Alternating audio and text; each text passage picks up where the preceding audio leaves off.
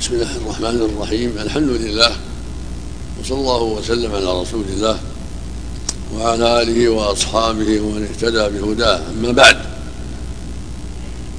فقد سمعنا جميعا هذه الندوة المباركة طيبة من صاحبي الفضيله الشيخ سعود النيسان الشيخ صالح الجلود فيما يتعلق بدعاة الباطل ووجوب الحذر منهم والحذر من أساليبهم الباطلة والحرص على التمسك بكتاب الله وسنة رسوله عليه الصلاة والسلام والدعوة إليهما والحذر مما يخالفهما. وقد أجاد وأفاد جزاهم الله خيرا وبارك في جهودهما. وزادنا وإياكم واياهما علما وهدى وتوفيقا.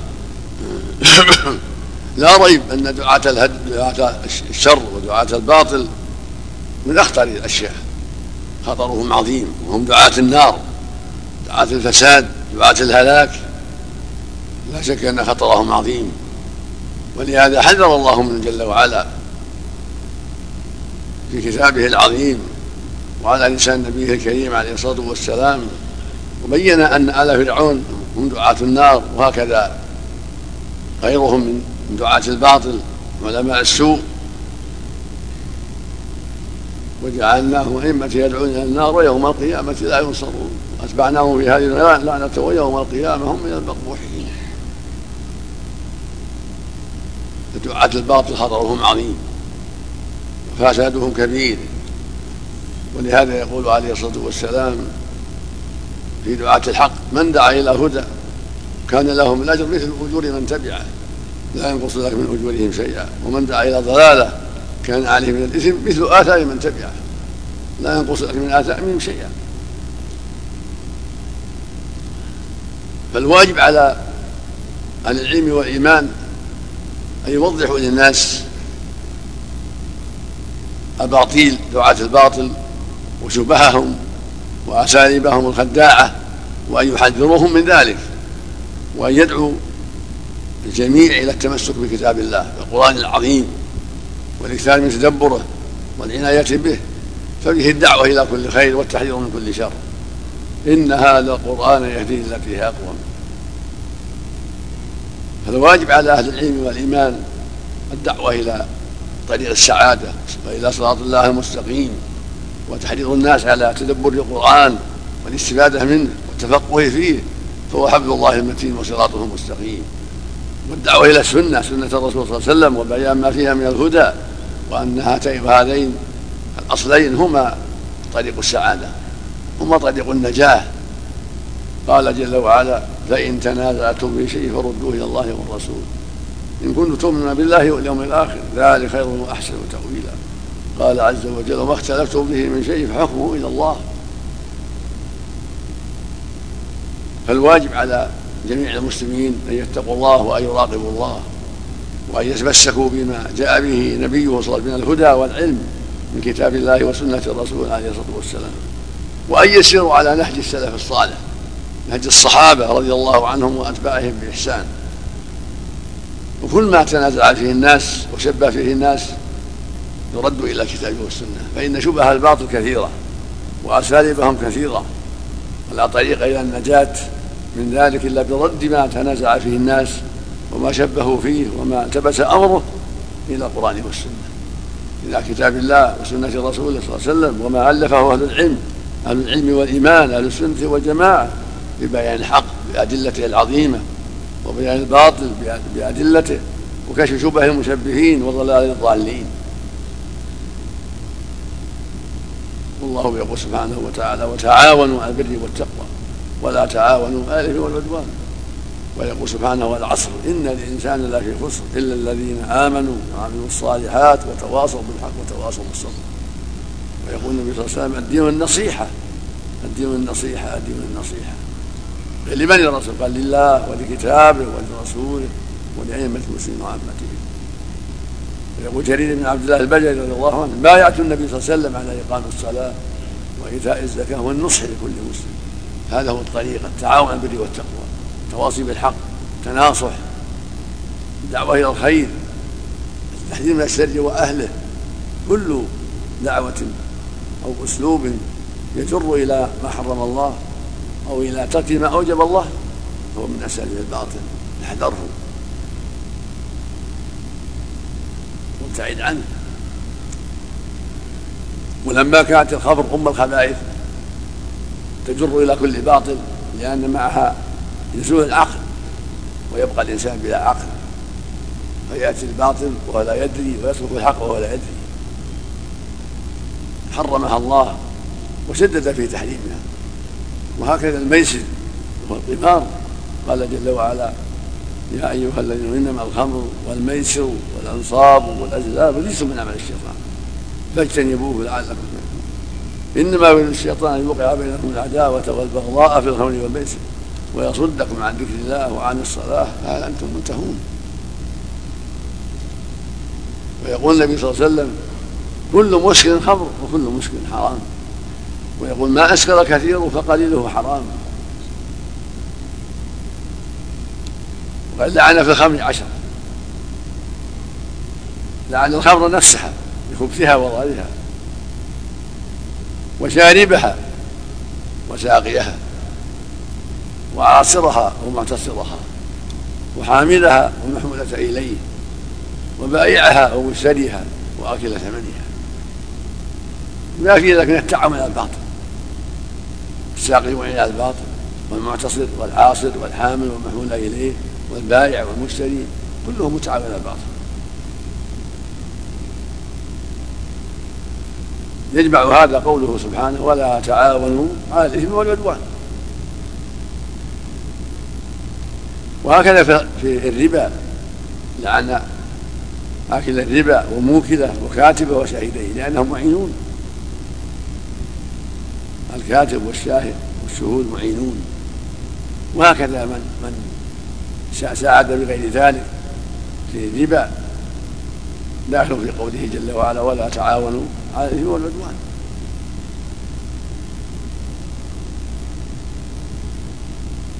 الذي أجر عليهم بيته يضع فيه الربا يعني يأجر على البنك والذي يحمل معاملات الربا. وهكذا كل معين داخل في في الوعيد. لأن الشاهد والكاتب كالمثال للتعاون على الاثم والعدوان. فكل ما يعين على الاثم والعدوان داخل في قوله جل وعلا ولا تعاونوا على الاثم والعدوان. هكذا القمار رعيب القمار. هكذا الحيل في الخيانة في البيع والشراء في الغش في المعاملات. من عاد عليها فله نصيب من الإثم. والجامع في هذا قوله سبحانه ولا تعاونوا آله والعدوان. المسلمون مأمورون بالتعاون على البر والتقوى والتواصي بالحق والتناصح. منهيون عن التعاون عليه والعدوان والشر والفساد. والاثم والعدوان يدخل في كل شيء يدخل فيه الربا يدخل فيه السرقة يدخل فيه قطع الطريق يدخل فيه ظلم الناس والتعدي عليهم يدخل فيه كل شر. كلمة جامعة ولا تعاونوا على الإثم والعدوان يعني على المعاصي وعلى الظلم. والأنواع والأساليب تختلف. والطرق تختلف. في التعاون على الاثم والعدوان وفي التعاون بالبر والتقوى. والجامع الغاية. إن كانت الغاية بر البر وتقوى فأنت مأجور. وإن كانت الغاية التي اعنت عليها وسعيت فيها الإثم والعدوان فأنت مأجور. وهذا الوقت وقت الاختلاط. كانت الحابب بالنابل المسلم بالكافر اتصال العالم بعضه ببعض في مشارق الأرض ومغاربها بأنواع الطرق وبأنواع الوسائل. كل ذلك سبب عظم الخطر. لكثرة الوسائل المفضية إلى الشر فصار الخطر أعظم. فيجب التحرز بكل المستطاع والحذر حسب الطاقة من كل ما حرم الله عز وجل. ثم نصيحة إخوانه ووصيتهم بترك الباطل والحذر من وسائله وفي لزوم الحق والاستقامة عليه.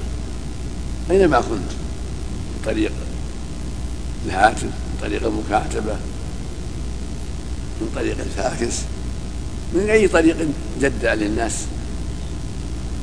استعن به على طاعة الله ورسوله. ضد ما استعان به المجرمون على الباطل.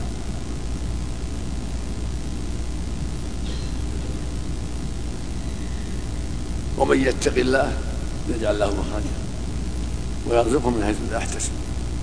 ومن يتق الله يجعل له من يسر وأنت مخلوق العبادة. وما خلقت الجن والإنس إلا ليعبدون. وهذه العبادة هي طاعة الله ورسوله. هي توحيد الله وطاعته. يدخل فيها كل ما أمر الله به ورسوله. وأول ذلك وأعظم توحيد الله والإخلاص له.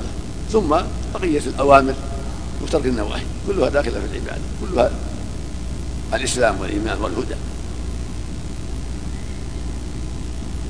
فكل ما فعلته مما يرضي الله داخل في العبادة. التي أنت مخلوق لها. كل ما فعلته من أسباب محاربة المعاصي والشرور والقضاء عليها داخل في العبادة التي أنت مأمور بها. فإن العبادة فعل وترك فعل الأوامر طاعة لله وترك النواهي التي نهى الله عنها. وعلى رأس الأوامر توحيد الله وعلى رأس النواهي الشرك بالله وتحتهما فروع. فالعبادة أن تفعل ما أمر الله به وتدعو إليه وتوصي به وأن تنتهي عما نهى الله عنه وتحذر منه وتوصي بتركه. هذه العبادة التي أنها خلق لها والرسل بعثوا بذلك عليهم الصلاة والسلام. ولقد بعثنا في كل أمة رسولا أن يعبدوا الله وتنبوا الله وأنزل في ذلك سورة عظيمة. أنزل سبحانه سورة عظيمة. قصيرة والعصر. إن الإنسان لفي خسر. إلا الذين آمنوا وعملوا الصالحات وتواصوا بالحق وتواصوا بالصبر. قال بعض السلف لو ما أنزل الحجة على خلقه إلا هذه السورة كفتهم قال بعضهم لو فكر الناس في هذه السورة كفتهم لما فيها من العلم العظيم والوصية العظيمة. الناس في خسران كلهم عربهم وعجمهم جنهم وإنسهم كلهم في خسران بحلف الله بقسم الله والعصر هو الزمان العصر هو الزمان من الليل والنهار أقسم الله به. وهو سبحانه يقسم بما يشاء من خلقه لما في اقسامه من الآيات والعبر لأن ما اقسم به سبحانه من مخلوقاته دالة على عظمته أو من اسمائه وصفاته. وله يقسم بما شاء من خلقه لا أحد يتحجر عليه. وهذه المخلوقات التي اقسم بها من العصر والطور والنجم والذاريات كلها من وأشباه كلها من آياته. دل على أنه رب العالمين وأنه الخلاق العليم. أما العبد المخلوق ليس له أن يقسم إلا بربه. الإنسان ليس له أن يحلف إلا بالله.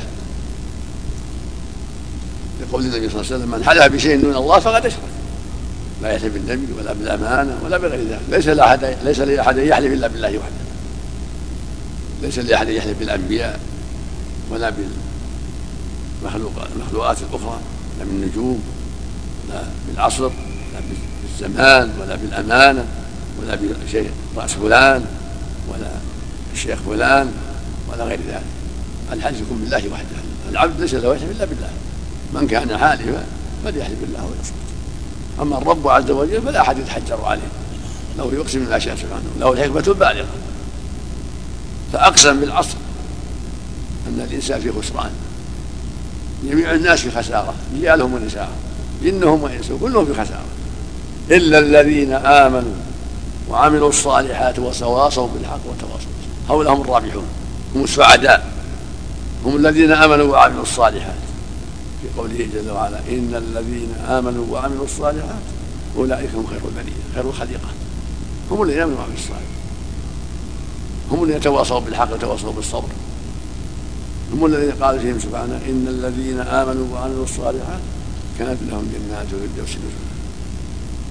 إن الذين آمنوا وعملوا الصالحات لهم جنات النعيم. من أعمالهم التواصي بالحق والتواصي بالصبر كما في هذه السورة. من أعمالهم التعاون على البر والتقوى. وعدم التعاون على الاثم والعدوان من أعمال الذين آمنوا وعملوا الصالحات. من إيمانهم وأعمالهم الصالح التعاون على البر والتقوى. وعدم التعاون على البر والتقوى. من إيمانهم وعملهم الصالح التواصي بالحق والتواصي التواصي بالصبر التواصي معناه معناه معناها الدعوة إلى الحق. معناها الدعوة إلى الحق. والتشجيع على الأخذ به. والترغيب في ذلك. كل وسيلة مما أباح الله عز وجل والتواصي بالصبر أيضا يحتاج إلى صبر. لابد من صبر على الإيمان والعمل. لابد من صبر على التواصي والدعوة.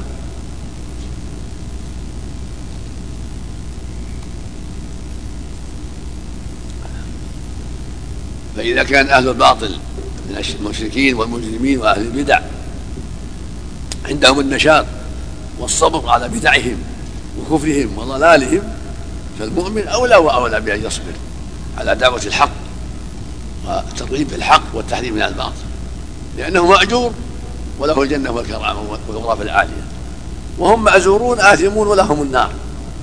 فإذا صبروا على باطلهم ودعوتهم إلى النار فأنت أولى أيها المؤمن أيها المؤمن أنت أولى وأولى وأولى بأن تصبر على دعوة الحق. في أي مكان؟ في بيتك الطريق في السفر في الإقامة في الصحة في المرض في السيارة في الطائرة في السفينة في الباخرة في القطار في أي مكان. تكون أوقاتك مشغولة بهذا الأمر. أينما كنت ترجو ما عند الله. من دل على خير يقول صلى الله عليه وسلم من دل على خير فله مثل أجر فاعله. من دل على خير هذا عام خير نكره في سياق الشر تعم كل شيء مع الخير. من دل على خير فله مثل أجر فاعله. قلت لزيد عملك هذا خطأ. اتركه فتركه لك مثل أجره. قلت لزيد بر والديك أحسن فيهم فأطاعك وأنت لا لك مثل أجره. قلت له دع الخمر هذا أم الخبائث تضر في الدنيا والآخرة تجعلك مع المجانين. فأطاعك لك مثل أجره إلى يوم القيامة. دع الدخان خبيث يضر دينك ودنياك وصحتك ومالك. فأطاعك لك مثل أجره إلى يوم القيامة. دع الربا حرام عليك باطل تقوم لا يجوز لك. فأطاعك وهدأه الله بك لك مثل أجر إلى يوم القيامة. تقول له أعفي لحيتك وفرها لا تشابه المشركين. فأطاعك ووفرها لك مثل أجره إلى يوم القيامة. قال لك احذر الغيبة الغيبة شرها عظيم ما يجوز منك تغتاب الناس. فأطاعك وترك الغيبة وحفظ لسانه لك من يؤدي إلى يوم القيامة. دع النميمة لا تنقل كلام الناس الشر لا تنقل الشر احذر فأطاعك لك من تؤجل إلى القيامة لا تدعو للشرك والبناء على قبور أو دعاء الأموات أو الاستغاثة بالأموات أو تحبيذ الباطل ونبذ الدين فأطاعك لك من تؤجل إلى القيامة لا تجالس أهل الباطل ولا تصحبهم فإنهم يضرونك فأطاعك واجتنبهم لك مثل اجر إلى يوم القيامة. كان قاطعا للرحم فدعوته لوصل رحمه فاطاعك لك مثل اجر إلى يوم القيامة. هكذا. كل خير تدعوه إليه فيستجيب لك لك مثل أجره. كل شر تنهاه عنه فيستجيب لك لك مثل أجره. فالرابحون هم أهل الإيمان. السعداء المتواصل بالحق والمتواصل بالصبر. هؤلاء هم السعداء. والناس خاسرون ما عداهم خاسر جميع الناس خاسرون إلا